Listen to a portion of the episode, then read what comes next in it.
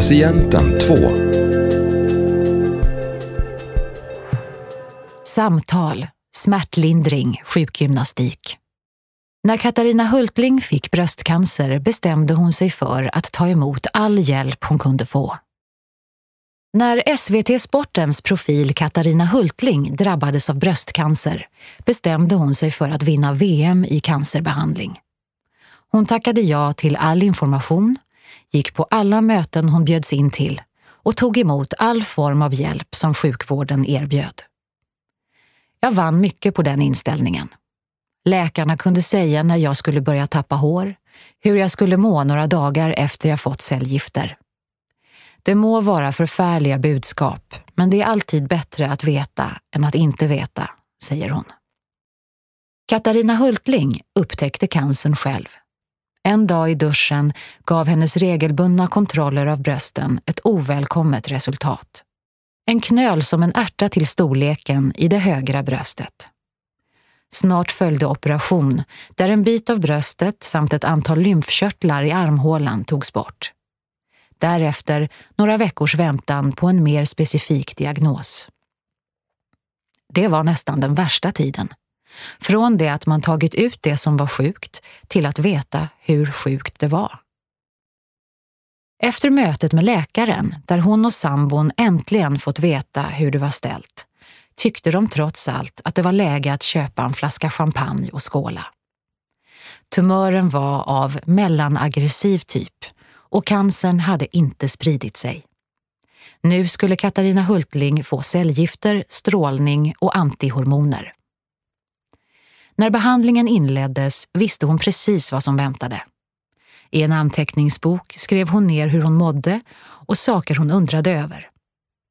Kroppen svarade bra på cellgifterna, även om det var allt annat än kul när både håret och minnet försvann och lederna blev alldeles stela. Så kan hon i efterhand säga att hon ändå tyckte att det var ganska spännande att se vad som hände med kroppen. När håret föll av var det helt absurt. Jag stod i duschen och kunde dra av stora sjok. Behandlingen pågick under ett halvår. I sin jakt på VM-guld i cancerbehandling tog hon emot all form av hjälp som sjukvården erbjöd. Hon fick akupunktur mot smärtan och träffade en sjukgymnast för att lära sig hur hon skulle undvika att drabbas av ödem på grund av de borttagna lymfkörtlarna. Som patient har man ett eget ansvar att ta del av det stöd man erbjuds. Jag tvekade inte att fråga om hjälp. Hon fick också träffa en kurator, vilket hon uppskattade. Men efter tre samtalstillfällen märkte både hon och kuratorn att de pratade mer om krukväxter än om sjukdomen. Det kändes som om jag inte behövde professionellt stöd så akut, tack vare mitt starka nätverk. Men att veta att hon fanns där och att jag kunde höra av mig om jag ville var en trygghet och väldigt värdefullt. När Katarina Hultling fick diagnosen ringde hon direkt runt till sin familj och alla sina vänner. Hon berättade att hon skulle opereras, att hon var väldigt låg och uppmanade dem att höra av sig. Det fungerade. När man blir sjuk drar folk sig ofta undan. Men jag kunde hjälpa min vänkrets genom att säga att de inte skulle sluta ringa. Jag är en fanatisk vän av öppenhet. Jag tror att man bara kan få gott av det. Värme, kärlek, stöd och hjälp. Hon har inte bara varit öppen med sjukdomen gentemot sina närstående. Hon lät också tidningen Expressen följa hennes kamp mot cancern. Mitt under cellgiftsbehandlingen medverkade hon i tv-programmet Skavlan, där hon till publikens jubel tog av sig sin peruk. Jag fick hur mycket respons som helst av människor som tyckte att det var fantastiskt. Det betydde något att jag ställde upp och visade hur man ser ut när man inte har hår på huvudet. Hon är också stolt ambassadör för Cancerrehabfonden, en insamlingsorganisation som erbjuder kostnadsfri rehabilitering och stöd till cancerdrabbade.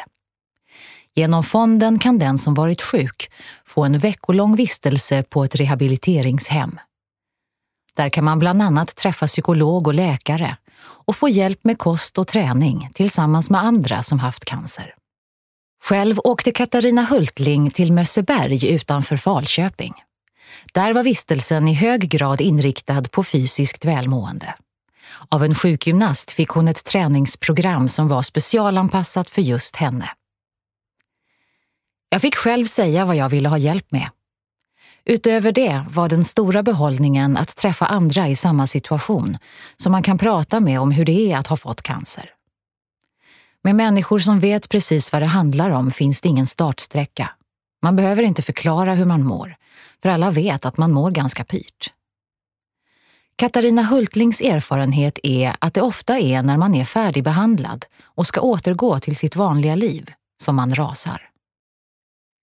Jag föll inte i något djupt hål för jag hade jobbat på lite grann och hade en beredskap för hur det skulle bli den dagen jag skrevs ut från specialistvården och Försäkringskassan. Men jag tror att många känner att kraven ökar när man plötsligt en dag inte räknas som sjuk längre och allt ska vara som vanligt igen. Idag är hon färdigbehandlad och mår bra, bortsett från problem med stela leder och torr hud. Men under flera års tid har hon tänkt på risken för återfall. Så fort hon får ont någonstans tror hon att cancern kommer tillbaka. Jag är orolig och det kommer jag att vara hela livet. Har man haft cancer tänker man på cancer varje dag. Samtidigt har jag inte blivit någon fanatisk renlevnadsmänniska. Hon vaknar inte heller varje morgon och fylls av tacksamhet över att ha överlevt. Om man inte när man är 60 år har fattat att det är en gåva att leva varje dag, då tycker jag att det är lite för sent. Till två år. Bor Stockholm. Gör frilansjournalist, moderator och föreläsare. Familj Sambon Albert Svanberg, sonen Viktor och hunden Sally. Katarina Hultlings önskelista för ett bättre liv med cancer. 1. Varje cancerpatient ska ha tillgång till en kontaktsjuksköterska. Oftast är det fullgott att ställa sina frågor till en sjuksköterska istället för till läkaren. 2. Det är viktigt för oss som överlevt cancer eller lever med cancer att känna att vi har nära till vården. Om jag skulle bli väldigt orolig vill jag att min väg in till specialistsjukvården ska vara kort. 3. Under behandling är det viktigaste för vården att få patienterna att förstå vad de är med om att man som personal inte ger sig förrän patienten förstått. Det skingrar många orosmoln. 4.